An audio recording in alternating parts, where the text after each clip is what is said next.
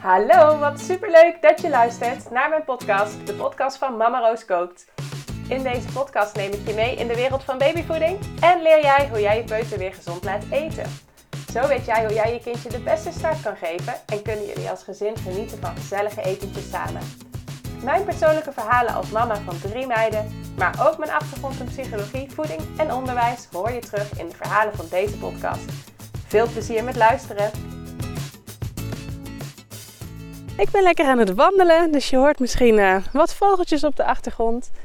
Uh, het zonnetje is heerlijk aan het schijnen, dus ik ben uh, lekker aan het genieten hiervan. En ik ga intussen voor jou een podcast opnemen. En deze podcast die gaat erover dat kinderen niet altijd doen wat je zegt. Heel vaak niet zelfs. Um, maar kinderen gaan vaak wel heel erg kopiëren wat jij doet. Dus misschien luisteren ze niet zo goed. Ze observeren vaak wel enorm. En dat observeren gebruiken ze om um, eigenlijk hun eigen normen en waarden te vormen. Wie observeren ze graag? Ze observeren heel graag mensen die belangrijk voor ze zijn. Um, mensen die ze, uh, ja, waar ze een beetje tegen opkijken en die ze gewoon als belangrijk achten. Nou, nu kun je je wel voorstellen dat hun ouders hier een heel mooi voorbeeld van zijn. Hun ouders zijn natuurlijk precies uh, ja, de mensen die heel belangrijk voor ze zijn en uh, waar ze graag uh, van leren en waar ze graag van afkijken. Afkijken op een positieve manier dan in dit geval. Um, dus misschien luisteren ze niet. Je hebt al tien keer tegen je kind gezegd dat ze niet op mag staan tijdens het eten. Of misschien al wel honderd keer, want tien keer is eigenlijk nog helemaal niet zoveel als je bedenkt hoe vaak je met elkaar aan tafel zit. Dus misschien heb je het allemaal honderd keer gezegd en nog steeds rent je kind elke keer van tafel af. En um, die ziet daar weer speelgoed liggen en die wil daar weer mee gaan spelen. En dat het ene kind rent van tafel af en ja hoor, eh, daar gaat de volgende ook, want die ziet dat er lekker gespeeld wordt en die wil erachteraan. Nou, dit hebben wij heel veel aan tafel, dus vandaar ook uh, dit voorbeeld. En ik had al heel vaak gezegd dat ze niet van tafel op mochten staan als er nog andere mensen aan het eten waren. Dat we even gewoon gezellig met z'n allen aan tafel blijven zitten, vinden wij uh, een belangrijke regel. Misschien geldt dat bij jullie niet, dus dat is ook helemaal uh, goed. Hè? Het is ook belangrijk dat je zelf heel erg nadenkt van wat vinden wij belangrijk. Maar wij willen graag dat eetmoment een gezamenlijk moment hebben. Dus wij vinden dat een belangrijk punt. Nou, toen uh, had ik dat dus al heel vaak gezegd en toen ging ik erover nadenken. Van, ik ken natuurlijk de theorie van het rolmodel zijn wel. Dat is in de psychologie een hele belangrijke uh, theorie. Um, waarbij mensen leren door te kijken hoe anderen het doen. En dan vooral anderen uh, die belangrijk voor je zijn. Dus ik dacht, ja, waarom gebeurt het nou eigenlijk? Wat, waarom gaat het nou elke keer fout?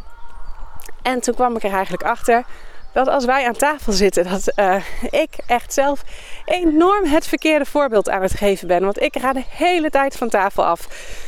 Komt omdat ik het vaak denk ik niet goed genoeg heb voorbereid van tevoren. Dus dan uh, heb ik de tafel wel gedekt bijvoorbeeld en ik heb gekookt en ik zet de pannen op tafel. Oh wacht, uh, Rosa heeft nog geen eetvestje, dus ik sta weer op.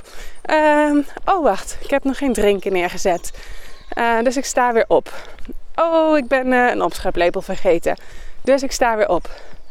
Oh, iemand wil nog wat yoghurt erbij of kaas eroverheen, dus ik sta weer op. Um, dus ik was eigenlijk zo mezelf aan het bekijken van...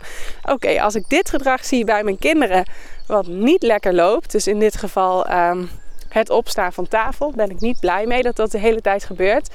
En ik heb het ook al heel vaak benoemd. Ik heb het ook vaak op een positieve manier benoemd. Dus niet elke keer, je mag niet opstaan van tafel. Maar ook het gedrag wat ik wel wil zien. Want dat is ook heel belangrijk. Daar heb ik ook een andere podcast over opgenomen dat je vooral vertelt wat je wel verwacht. Anders is het vaak voor een kindje heel erg onduidelijk. wij denken wel dat het voor een kind dan duidelijk is wat hij dan wel moet doen. Maar vaak hebben kindjes daar eigenlijk nog helemaal geen besef van. Daar zijn ze gewoon nog te jong voor. Ze hebben nog te weinig achtergrond om logischerwijs na te kunnen denken: als ik dit niet mag, wat dan wel? Dus ik heb ook heel vaak gezegd: Um, nee, uh, ik wil graag dat jullie allemaal blijven zitten. Ik vind het gezellig als we allemaal aan, aan, tafel zitten en samen een eetmomentje hebben tot het einde van het eten. Maar in ieder geval, ik had het dus al heel vaak benoemd. Het ging niet goed, dus ik ging bij mezelf nadenken. Waar zit hem dit in? Wat, uh, wat laten wij zien als geen goed gedrag in deze? Wat gaat er bij ons fout? Um, nou ja, en toen kwam ik hier dus achter van ja, ik geef zelf eigenlijk totaal niet het goede voorbeeld op dit vlak. Ik ben de hele tijd van tafel aan het opstaan. En dat zijn wel allemaal in mijn hoofd geoorloofde dingen om van tafel op te staan. Want ik ben dingen aan het regelen voor iedereen. Ik ben ervoor aan het zorgen dat iedereen um, het fijn heeft aan tafel. En dat het eten goed geregeld is. Um, maar ja, ik geef wel gewoon enorm het verkeerde voorbeeld. Want ik ben dus de hele tijd op aan het staan. Um, dus zo zou jij ook eens voor jezelf na kunnen denken zijn, denken. Zijn er dingen waar je niet tevreden over bent hoe dat op dit moment gaat? En zo ja, wat is dat dan?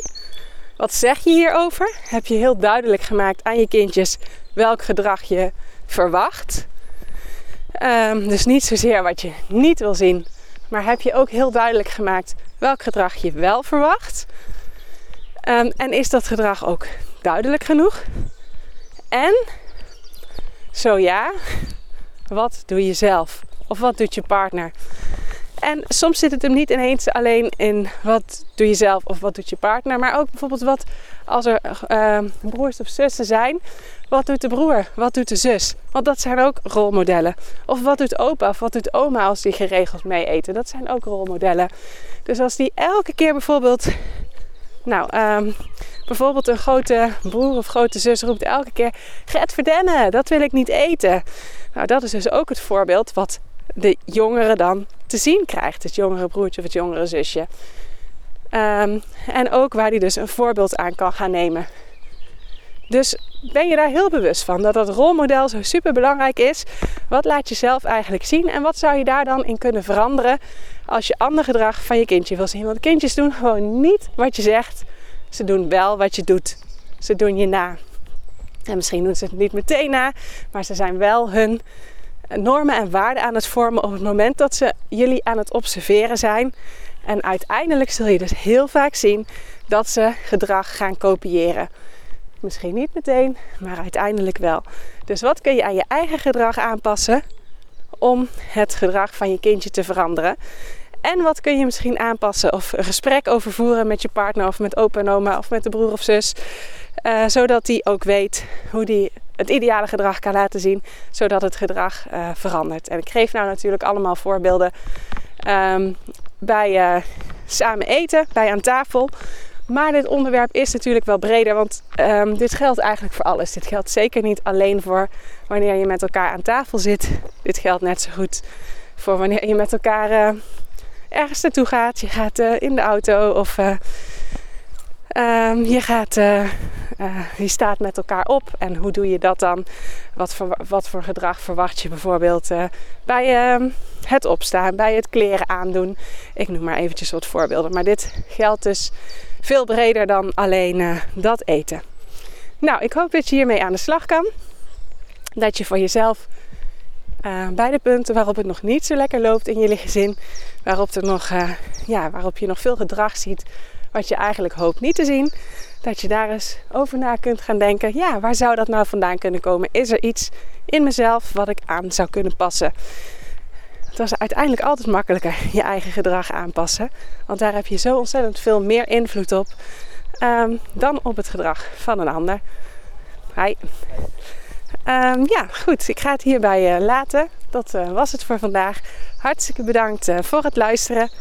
Leuk dat je er weer bij was en ik spreek je heel graag weer bij een andere podcast. Ik vind het ook altijd leuk om van je te horen. Dus stuur me gerust een berichtje, een mailtje, een berichtje op Instagram. Wat je uit deze podcast hebt gehaald. En ja, vind ik hartstikke leuk om te horen. En ik wens je een hele fijne dag vandaag. Doei doei!